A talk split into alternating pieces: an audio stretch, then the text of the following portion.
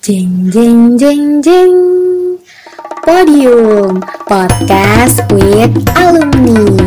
Di sini tempatnya ngobrol santai bersama alumni. Selamat pagi, siang, sore, malam teman-teman sobat kompas semua. Selamat datang di segmen Podium Podcast with Alumni. Oke, sebelumnya kenalin nama gue Pandika Bijaya. Uh, gue di sini sebagai host magang. Yang kali ini gue sendiri karena teman-teman gue lagi pada sibuk ya Uh, Oke, okay, kali ini gue akan menemani kalian di hari-hari santai. Uh, sebelum itu, di episode kali ini kita kedatangan salah satu mahasiswa atau yang sudah lulus ya. Ini salah satu juga dulu pernah menjadi pres HMPS. Uh, ah, mungkin juga kalian sebelumnya sudah pada kenal. Nah, di kali di episode kali ini kita akan ngobrolin tentang kehidupan fresh graduate dan uh, tips menjadi lulusan terbaik pendidikan kimia. Oke, semuanya sudah pada penasaran kan? Nah, langsung aja nih kita sapa kakak alumni kita. Oke, Assalamualaikum Kak Monik. Waalaikumsalam. Halo semuanya. uh, kenalin nama aku Arifia Monik. Aku lulusan apa mahasiswa pendidikan kimia masa pandemi ya.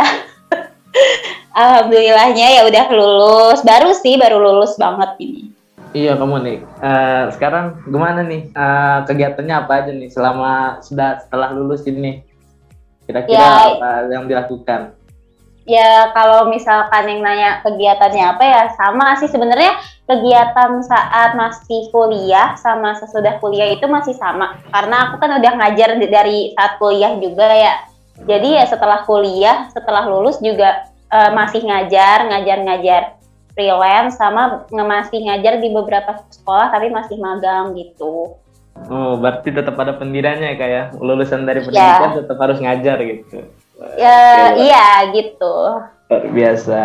Uh, terus ada gak sih kak, karena kan kakak ngajar ya, ada gak sih perbedaan saat kakak sekarang sudah lulus dan sebelum lulus itu perbedaan di antara kedua hal tersebut gitu. Maksudnya di dunia kerja mungkin ya kan. Kak Monik juga sekarang sudah fokus untuk ngajar karena dulu kan mungkin sambilan gitu ya. Kuliah jangan sambil kerja atau mengajar ini. Kira-kira ada gak sih Kak perbedaan yang sangat mencolok dari hal tersebut? Nah uh, kalau perbedaannya ya jelas pasti ada ya. Kalau misalkan ketika kuliah kan kita masih jadi mahasiswa ya. Nah, tapi kalau misalkan udah lulus ya berarti statusnya udah bukan mahasiswa lagi, bukan pelajar lagi. Jadi kalau misalkan dulu pas kita jadi mahasiswa ketika kuliah kalau kita nggak paham tentang sesuatu kita bisa bertanya nih kalau belum paham bisa bertanya ke dosen ke teman-teman yang belajar bareng kita. Tapi kalau misalkan kita udah di dunia kerja itu tuh kita harus paham dengan sendirinya kita harus mengulik sendiri. Itu bedanya sih. Terus habis itu kalau misalkan di dunia kuliah kan temen ya sebagai temen gitu saling ngajarin gitu. Selalu ada temen yang ngajar mengajari saling mengajari. Tapi kalau misalkan di dunia kerja itu lebih ke persaingan. Jadi kayak uh, temen sih teman tapi kalau udah masuk ke dunia kerja ya persaingan. Gimana kita bisa mendapatkan jabatan yang kita pengen gitu. Terus abis itu uh, bedanya lagi kalau misalkan kuliah kan biasanya kita uh, biasa aja ya cuek sama penampilan kita mau rapih kek enggak kek. Tapi karena kita di kuliahnya di tempat tarbiyah di keguruan harus rapih kan dituntutnya. Nah di dunia kerja sama tuh penampilan juga sebagai penilaian gitu. Kalau penampilan kita rapih kan berarti nanti interviewernya yang pas kita lagi ngelamar kerja lebih tertarik nggak sih ngelihat kita sebagai fresh graduate gitu. Hmm, berarti secara kasarnya tidak ada sedikit eh, perbedaannya sedikit mm -hmm. sedikit ya kayak ya. karena kan mm. kakak juga udah ngajar yeah. ya dari dari yeah, masa kuliah mungkin kalau misalnya teman-teman yang ibaratnya kan di kita pendidikan ya tapi kalau misalnya teman-teman ada yang gak kuliah tuh kira-kira eh nggak ada yang nggak mengajar ya saat kuliah itu kira-kira menurut kakak bagaimana dia kalau misalnya lulus terus di dunia kerja itu seperti gimana kira-kira? Pasti itu sih bakal kaget sih kalau dari ya. dari kuliah itu kita nggak dilatih untuk mengajar karena kan e, karena kita di bidang pendidikan ya kita kan berarti harus seru apa harus sering berkomunikasi sama orang lain, harus sering bertemu dengan orang lain. Jadi kalau misalkan kita dari apa selama kuliahnya itu kita jarang komunikasi, terus habis itu jarang dilatih nih kemampuan mengajarnya, nanti ketika masuk ke dunia kerja itu bakal kaget apalagi kalau di jurusan kita kan jurusan pendidikan. Jadi ketika misalkan kita ngelamar kerja sebagai guru atau sebagai misalkan sebagai guru sekolah atau guru privat pasti atau guru bimbel pasti yang bakal ada di tahapan uh, pemilihan seleksinya itu nggak cuma pemilihan berkas, nggak cuma seleksi berkas, nggak cuma seleksi wawancara, tapi ada juga yang namanya micro teaching. Itu pasti kalau untuk kita sebagai pengajar itu pasti ada micro teaching. Jadi kalau kita misalkan micro teachingnya nggak lancar, itu karena kalau menurut aku micro teaching itu sebagai nilai yang paling besar gitu loh untuk e, kita yang sebagai pelamar sebagai gurunya gitu. Jadi kalau misalkan kita nggak sering dilatih saat kuliah pasti bakal kaget banget. Karena akan selalu ketemu tuh dengan micro teaching micro teaching kalau kita ngelamarnya sebagai guru ya. Beda lagi kalau misalkan nanti kita dari lulusan sarjana pendidikan tapi kita pengen uh, ngelamar di sektor yang lain itu akan berbeda lagi seperti itu. Nah tuh begitu teman-teman. Kalau kata kamu Anik Nah, berarti sebelum itu harus ada persiapan lah. Kalau misalnya kita diniatkan ingin menjadi guru, bagaimanapun sebagai saat kuliah kita harus berlatih ya untuk sering mengajar gitu karena nanti diturun di dunia kerja biar nggak kaget ya kak seperti itu ya kak ya. Uh-uh. Sebenarnya dari dari jurusan kita kan juga udah ada tuh uh, namanya ituan kan apa PLP pengenalan lapangan persekolahan. Jadi nanti kalian juga di semester 7 apa semester 8 ya aku agak lupa itu tuh nanti kalian uh, selama dua bulan atau tiga bulan itu kalian uh, di mengajar di sekolah kayak magang di sekolah seperti itu. Nah itu tuh sebenarnya udah uh, salah satu cara latihan kalian. Tapi kalau bisa selain dari uh, jurusan kita yang nyelenggarain, kita udah mulai latihan aja tuh maksudnya udah sering ngajar privat kan kalau di uh, jurusan kita tuh walaupun kita masih kuliah kita udah bisa loh nyari duit sendiri dengan cara privat gitu. Jadi udah mulai dilatih aja skill ngajarnya. Nah, iya berarti dari kuliah dari fakultas juga dari kita udah nyiapin lah ya. Tapi kan mm-hmm. kita juga harus mempersiapkan diri lebih gitu untuk terjun ke dunia kerja. Nah, ngomongin yeah, Fresh Graduate, kakak nih kan baru lulus di masa-masa yang ibaratnya spesial lah kak, masa-masa pandemi. Mm-hmm gimana sih kak rasanya dispesialin di masa pandemi ini lulusnya online kayak gitu mungkin kan kakak udah ngebayangin ya dari semester 1 akan lulus iya kumpul-kumpul bareng gini ternyata hanya di rumah seperti itu. Gimana sih kak? Iya. rasanya ada rasa kecewa atau bagaimana kayak gitu? Sebenarnya sih uh, karena aku udah harapan yang penting lulus gitu ya maksudnya uh, ah aku pengen lulus tepat waktu nih. Karena kan seperti yang kita tahu ya jurusan pendidikan kimia katanya susah lah inilah itulah. Jadi ketika udah dapet kesempatan untuk lulus tepat waktu tuh aku udah kesenangan dari situnya. Jadi walaupun mau pandemi atau enggak yang penting gas aja lah terus gitu. Sebenarnya kalau misalkan ditanya uh, lulus di masa pandemi sedih nggak sih? Ya ya ada sedihnya. Cuma kalau dibilang ya ada enak nggak enaknya sih. Kalau enaknya ya simple ya kan? Nggak seribet offline gitu. E, berkas-berkasnya juga nggak seribet offline. Tapi nggak enaknya ya nggak dapet aja feelnya gitu. Kayak lulusnya jadi kayak main-mainan. Tapi kan tetap aja intinya lulus gitu. Iya kan juga salah satu momen spesial ya dalam hidup kita sekali seumur hmm. hidup ya kan? Iya, makanya suka dibilang nggak dapet feelnya lah kalau iya. online yeah. gitu ya udah kak kuliah lagi aja ke kita. Mau nih siap mau lain. kuliah lagi. Jadi eh tapi lanjut S2 bukan oh, S1 iya. lagi. Iya sih biar dapat feelnya kan ya. Kurang iya. kan kalau misalnya belum ngerayain bareng teman-teman gitu ya. Oh, oh, udah kuliah lama-lama 4 tahun ya? Eh pas lulus iya, online, online. sedih juga ya kayak gitu terus ini sih kak kalau misalnya lulusan dari Pekim itu uh, semuanya jadi guru gak sih kak? Atau kalau misalnya jika kita ingin melenceng, terus apa yang harus dipersiapkan gitu? Untuk kalau misalnya ya kita nggak mau jadi guru gitu Dari kita, dari diri kita sendiri menurut kakak apa yang perlu kita siapkan gitu? Uh, gini sih, kalau setahu aku dari alumni-alumni yang sebelumnya nggak semuanya uh, lulusan dari pendidikan kimia itu jadi guru banyak kok yang ada yang jadi wirausahawan, ada yang jadi uh, apa pegawai swasta dan yang lainnya. Sebenarnya yang kalau ditanya apa yang dipersiapin itu balik lagi ke skill kita selama kita kuliah. Atau kan biasanya kan ada nih kayak di jurusan kita uh, kayak di himpunan di HMPS ada yang jago IT kan walaupun dia jurusan pendidikan kimia. Nah jadi ketika dia lulus oh ternyata kayaknya uh, passion gue lebih ke IT nih. Nah jadi dia walaupun jurusan pendidikan kimia sarjana pendidikan karena ada beberapa instansi atau perusahaan yang uh, meminta uh, syarat itu fresh graduate dari berbagai sektor jurusan. Nah itu tetap kita bisa ngelamar pekerjaan.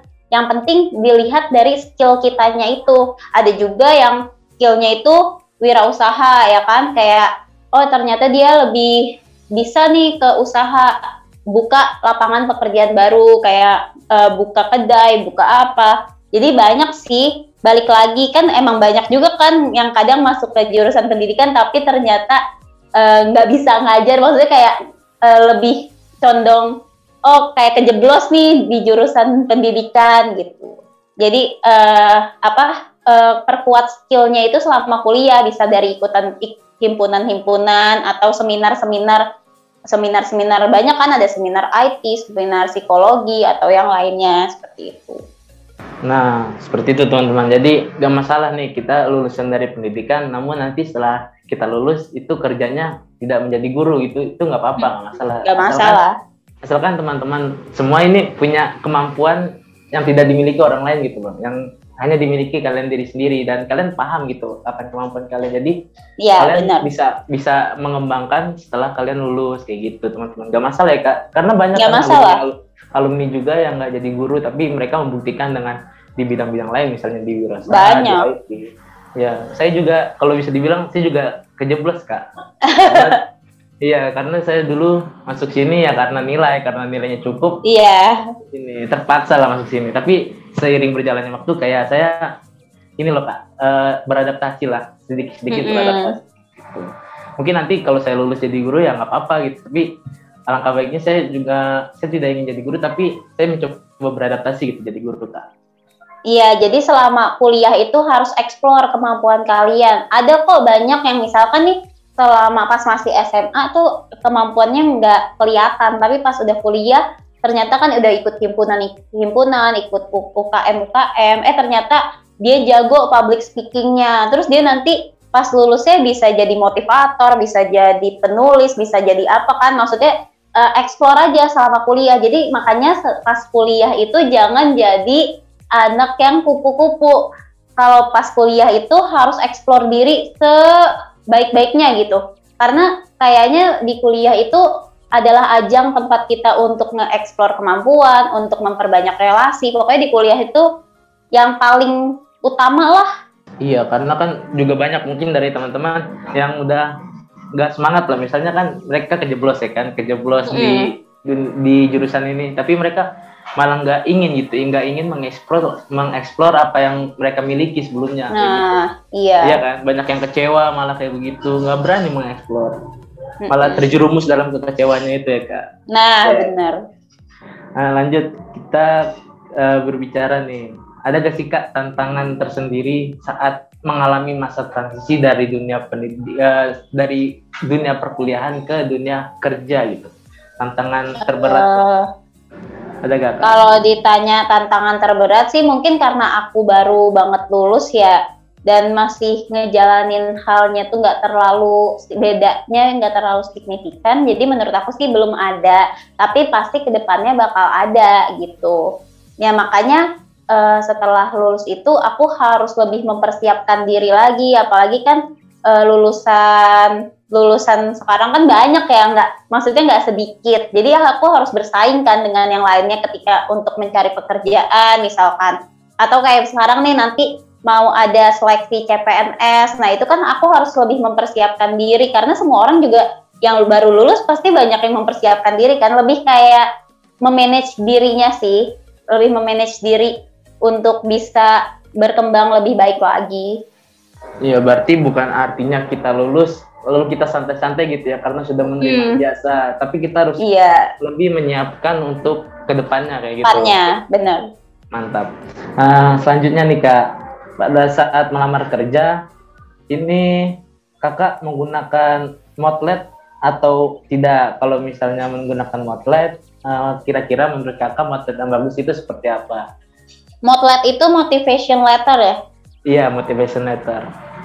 Uh, kalau sepanjang selama aku ini baru lulus terus aku ngelamar-ngelamar kerja sih kebetulan belum ada yang diminta menggunakan motlet ya. Biasanya sih untuk lulusan-lulusan yang kayak sarjana pendidikan itu yang diminta persyaratannya lebih ke CV, terus abis itu surat lamaran yang seperti biasa, sama itu sih portofolio. Jadi, oh iya aku juga mau ngasih tips gitu buat teman-teman. Kalau nanti lulus, itu tuh sertifikat-sertifikat yang kalian punya selama kuliah, mau sertifikat seminar, sertifikat sebagai peserta, sertifikat sebagai panitia atau sertifikat di himpunan di him itu harus disimpan, jangan sampai hilang karena itu bisa digunakan sebagai portofolio kalian saat melamar kerja. Jadi sebagai nilai plus lah.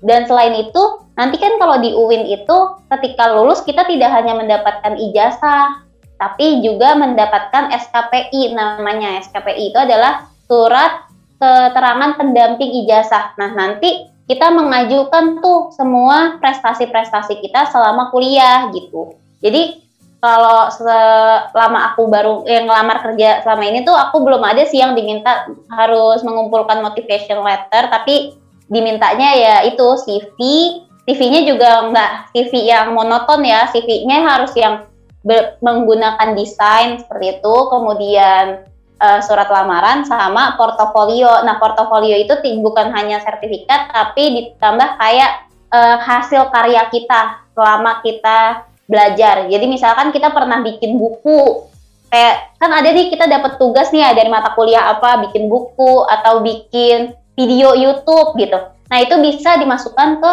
portofolio kalian dan itu bisa menjadi nilai plus saat melamar kerja. Oh, berarti tugas-tugas saat kita berkuliah juga itu masih kepake kayak? Ya? Kepake banget, makanya jangan sampai hilang. Aku aja nyesel. Maksudnya, aku ada beberapa file gitu ya, kayak file uh, apa bikin buku atau apa itu hilang misalkan. Pas sekarang nyari-nyari itu jadi kayak kesel karena ternyata itu dibutuhin. Karena kan uh, apa instansi-instansi kayak sekolah gitu-gitu kan mau ngeliat skill kita selain kita bisa jadi guru tuh ternyata oh bisa bikin bahan ajar loh, oh ternyata bisa bikin video pembelajaran loh, apalagi kan kayak kalian nih uh, teman-teman yang sekarang kuliahnya di pandemi ya, kan tugasnya sering bikin video YouTube ya nggak sih, video ngajar YouTube, terus habis itu bikin buku bahan ajar, nah itu tuh kayak link-link seperti itu tuh dipakai nanti ketika bikin portofolio untuk melamar pekerjaan, sangat dipakai. Nah begitu teman-teman jangan jangan sampai mengeluh ya kayak dikasih tugas banyak. Iya nah, pasti akan berguna ke nah, depannya. Pasti akan berguna. Segala hal yang kita lakukan pasti akan berguna. Uh, kamu ini kan lulusnya cepat nih uh, mm -hmm. dan menjadi lulusan terbaik. Nah kira-kira kakak boleh gak bagi-bagi lah dikit-dikit tips untuk mendapatkan hal tersebut kak? Ya, alhamdulillah ya. Kalau dibilang lulusan terbaik juga alhamdulillah ya kebetulan emang dapat amanah dari uh, jurusan gitu.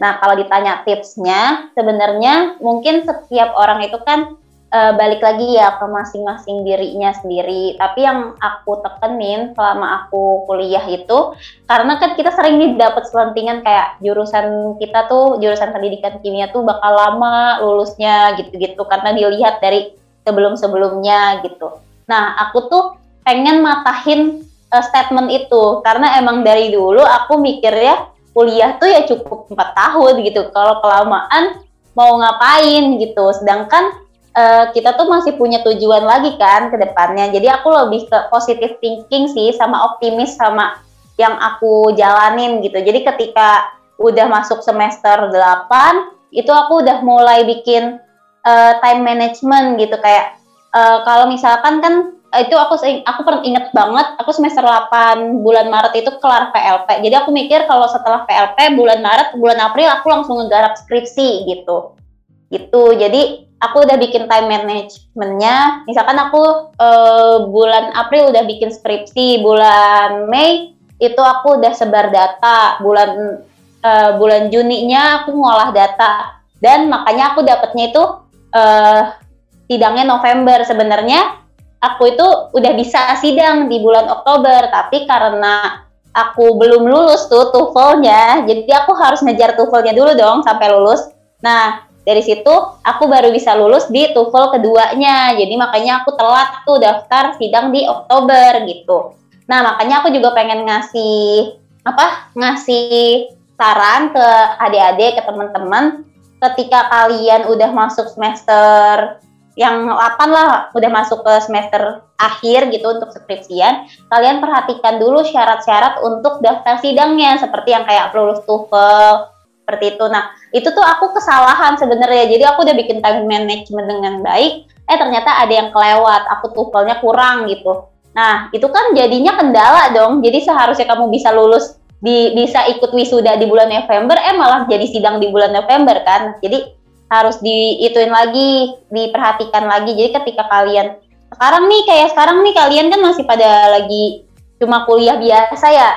Bolehlah daftar TOEFL gitu atau TOEFL kalau masih belum lulus. Jadi dicicil aja syarat-syarat sidangnya. Jadi nanti ketika mau skripsian udah tinggal skripsian aja, udah nggak mikirin syarat-syarat yang lainnya. Jadi intinya sih lebih ke positive thinking sama optimis dan jangan kesugesti sama orang-orang ketika orang-orang bilang ah e, jurusan lu kan bakal lama lulusnya patahin statement itu malah kalian harus percaya diri kalau kalian itu bisa nyelesain tepat waktu gitu sih Iya, mungkin statement itu udah sering kita dengar ya. Waktu hmm. saya hmm. saya saya maba juga itu kak dari pendidikan kimia ini adalah salah satu kating bilang ah lo masuk pendidikan kimia lulusnya lama. Nah terbukti iya. kan sekarang kamu Anik bisa lulus dengan cepat dan tepat waktu gitu lah. Terba uh, berarti asumsi tersebut terba terbantahkan ya kak bisa dibilang. Terbantahkan, alhamdulillah. Uh, Terus kalau misalkan tergantung dibilang juga ya kak ya. Apa? Tergantung, anaknya, anaknya juga. Iya, kalau malas-malasan ya lulusnya juga lama. Iya, makanya harus balik lagi ke kalian ya gitu kayak kalian optimis nggak bisa lulus cepet kalau kalian percaya diri dan optimis ya bakal lulus cepet. Iya, untuk time manajemen kadang kan juga kita sudah terkadang kita membuat memanage segala sesuatu itu sudah rapi lah. Nah, terkadang juga ada hal yang membuat kita tidak sesuai kayak tadi kan kamu Manik mm-hmm. uh, gagal itu nggak apa-apa teman-teman yang penting kita sudah berusaha semaksimal mungkin untuk ya, benar. memanage hal tersebut gitu loh untuk masalah berhasil 100% atau berapa persen itu ya urusan yang bisa dibilang urusan yang di atas juga ya kan namanya takdir kan benar. kita juga bisa lupa kayak gitu Iya benar. Okay. Jadi usaha aja dulu masalah uh, kelar atau enggaknya. Yang penting usaha dulu gitu. Kalau kita aja udah nyerah di awal, gimana kita mau berhasil ya nggak sih? Tuh. Uh, kakak kan sekarang sudah menjadi alumni pendidikan kimia, nah hmm. dan hal-hal senang duka itu sudah terjadi dan tidak akan mungkin terulang lagi. Nah, kira-kira suka duka yang kakak alami semasa kuliah di UIN ada gak sih kak yang sedikit lah, sedikit cerita yang ingin diceritakan baik itu suka maupun duka. Jadi agar teman-teman juga bisa mengetahui lah atau bisa kepoin kakak. ya kalau ditanya suka dukanya ya pasti banyak ya. Selama kuliah 4 tahun ya pasti ada lah suka dukanya. Ya uh, sukanya senangnya uh, selama kuliah tuh ternyata oh teman-temannya baik-baik, adik-adik kelasnya baik-baik, kita ngejalin komunikasi dengan baik sampai sekarang pun aku masih komunikasi dengan baik kan dengan adik-adik tingkat, teman-teman gitu. Tapi kalau dukanya ya banyak juga ya dulu juga sama pasti semua ngerasain di semester 1, 2, 3, 4 itu berat banget ya enggak sih? karena kita praktikum sampai malam, terus habis itu apalagi kita ikut himpunan juga, kadang ngerasa capek, pernah juga sampai nangis ya pernah gitu kayak oh, apa uh, deadline laprak banyak nih, tapi juga punya proker-proker HMPS yang belum dijalanin, kadang tuh kayak ngerasa numpuk gitu loh di kepala pulang sampai jam 10 malam, jam 11 malam, tapi setelah kita aku udah lulus nih, kadang ngerasa kangen gitu masa-masa itu kayak kok kangen ya ngerasa sibuk gitu. Kalau sekarang kan sibuknya lebih ke kerja. Kalau kerja kan lebih kayak ke rutinitas. Tapi kalau selama kuliah tuh kita ketemu aja terus nih sesuatu yang baru, sesuatu yang bikin kita belajar. Oh ternyata kayak gini. Oh gini ternyata praktikum sampai malam terus diomelin laboran. Tapi kayak sekarang jadi kangen gitu loh. Lebih ke kangen sih sekarang tuh. Untuk yang itu ya praktikum sampai malam mungkin teman-teman semester 3 semester 4 sekarang itu nggak bisa merasakan kak karena kita juga Oh iya lupa. iya jadi kita juga kurang merasakan makanya saya juga sebagai mahasiswa semester 4 kayak ngerasa kurang aja gitu loh kuliah Padahal itu nikmatnya. Nah makanya itu. Udah di spoiler di spoiler juga kan sama kakak-kakak tingkat. Katanya wah lu nanti semester 3 semester 4 bakal seru. Praktikum sampai pagi. Eh sampai Hmm. malam gitu kan. Dari pagi sampai malam. Iya. Iya makanya kita juga nggak bisa merasakan. Dan Iya, jadi kayak dia, mabok, maboknya bareng nih, kena amoniak, amoniak bareng, minum susu, minum susu bareng, eh, seru banget itu, parah.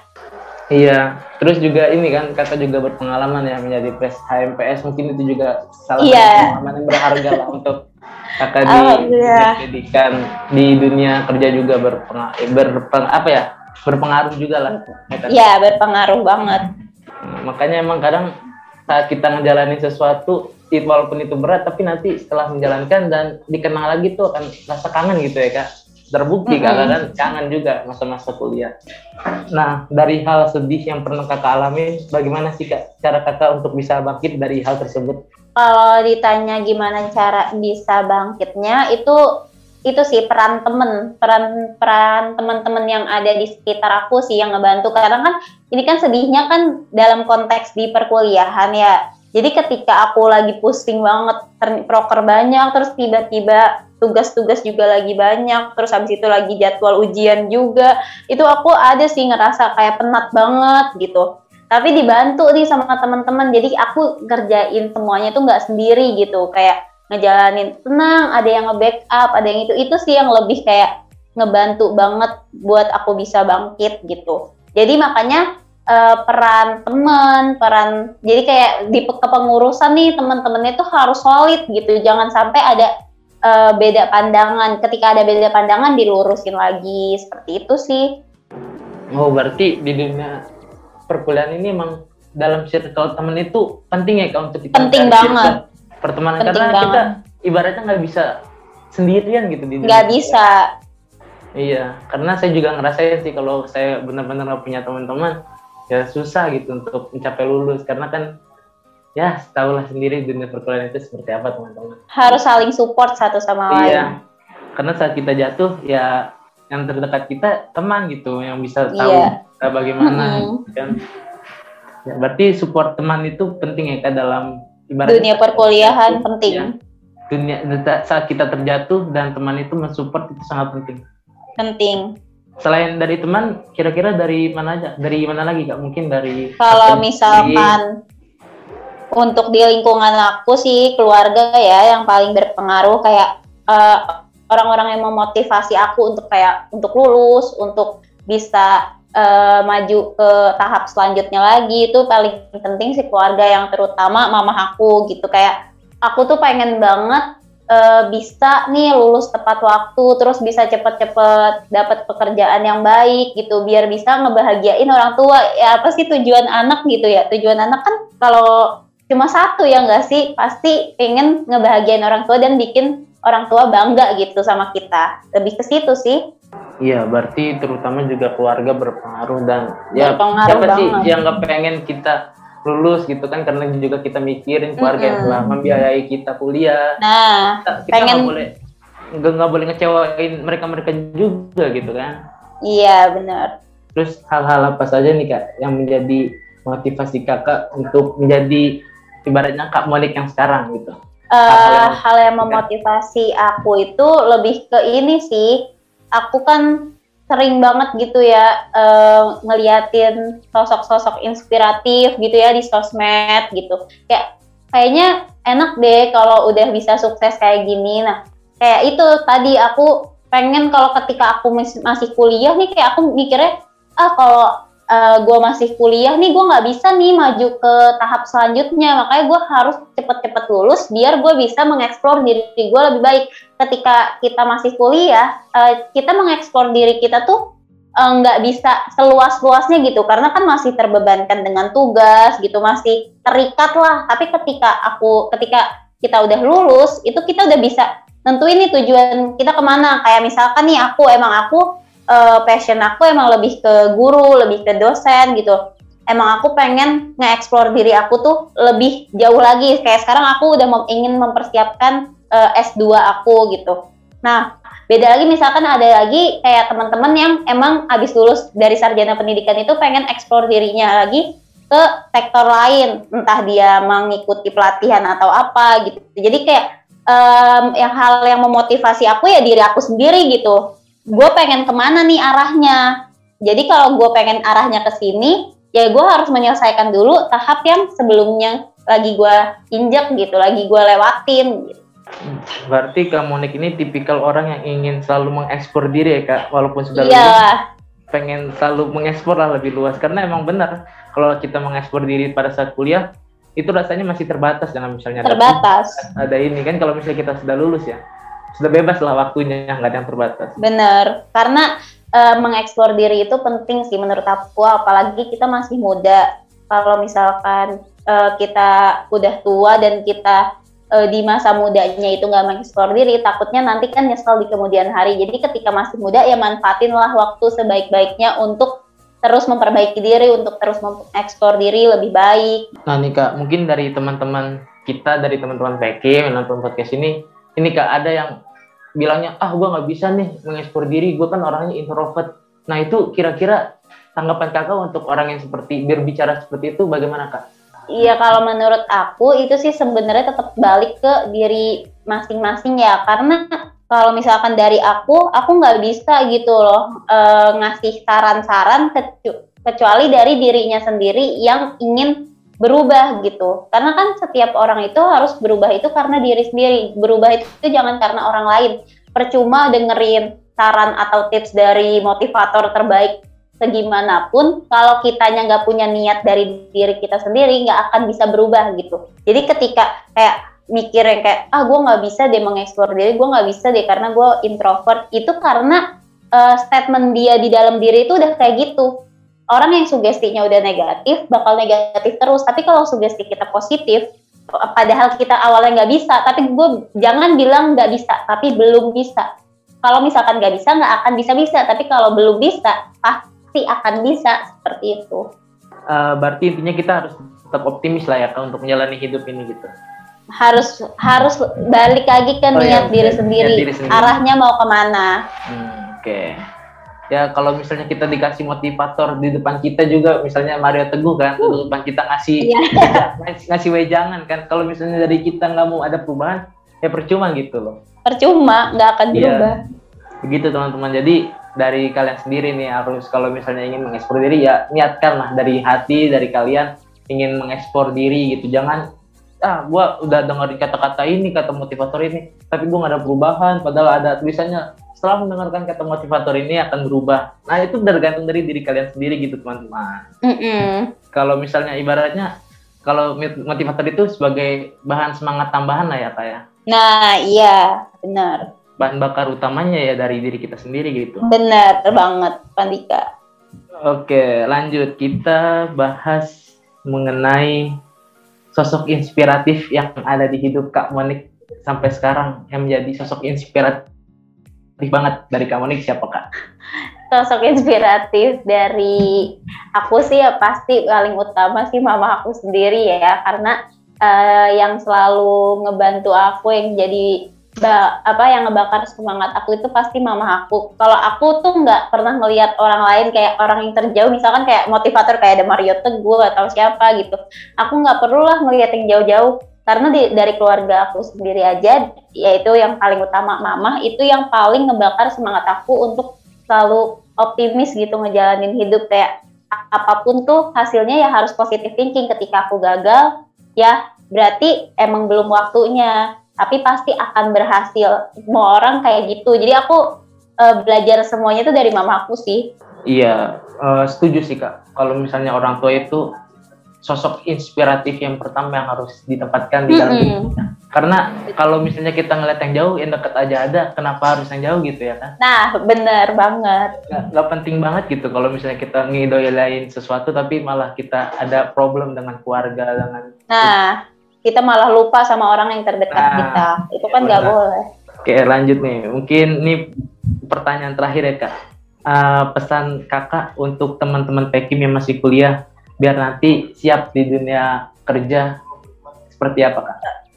Kalau Pesan. pesan aku itu adalah pertama ya yang seperti sebelumnya aku udah jelasin eh, di, di selama kuliah itu kalian harus mek- mengeksplor diri kalian dengan cara mengikuti kegiatan-kegiatan, mengikuti acara-acara himpunan. Gak ada yang namanya sia-sia. Terus ketika kalian dapat tugas juga itu ya ngeluh nggak apa-apa karena tugas pasti banyak ya. Tapi percaya kalau eh, tugas-tugas yang kalian dapatkan selama kuliah itu pasti akan berguna di masa depan. Seperti aku kan kayak maksudnya portofolio itu bisa digunakan ketika melamar kerja dan yang terakhir sih lebih ke percaya diri dan optimis sama diri sendiri gitu. Ketika kalian ngerasa gak bisa nih kayak ah ternyata gue salah jurusan lah atau apalah percaya kalau kalian percaya sama diri sendiri semuanya akan selesai pada waktunya gitu. Wah luar biasa nih kata-kata terakhir atau bisa bilang motivasi dari Kak Monik untuk teman-teman Pekim.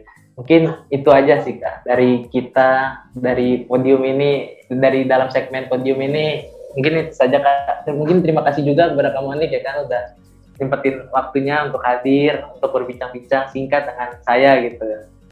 Terima Iya, kasih makasih banyak juga buat HMPS Pendidikan Kimia karena udah ngundang aku ya di podium ini. Kalau misalkan buat teman-teman eh, pendidikan kimia yang masih pengen nanya-nanya lebih jauh atau nanya-nanya tentang kuliah juga kalau aku ada waktu ya boleh aja bisa hubungin aku. Banyak kan yang punya kontak aku. Oh iya, tinggal diminta aja ya kak ya. Pasti di, Iya.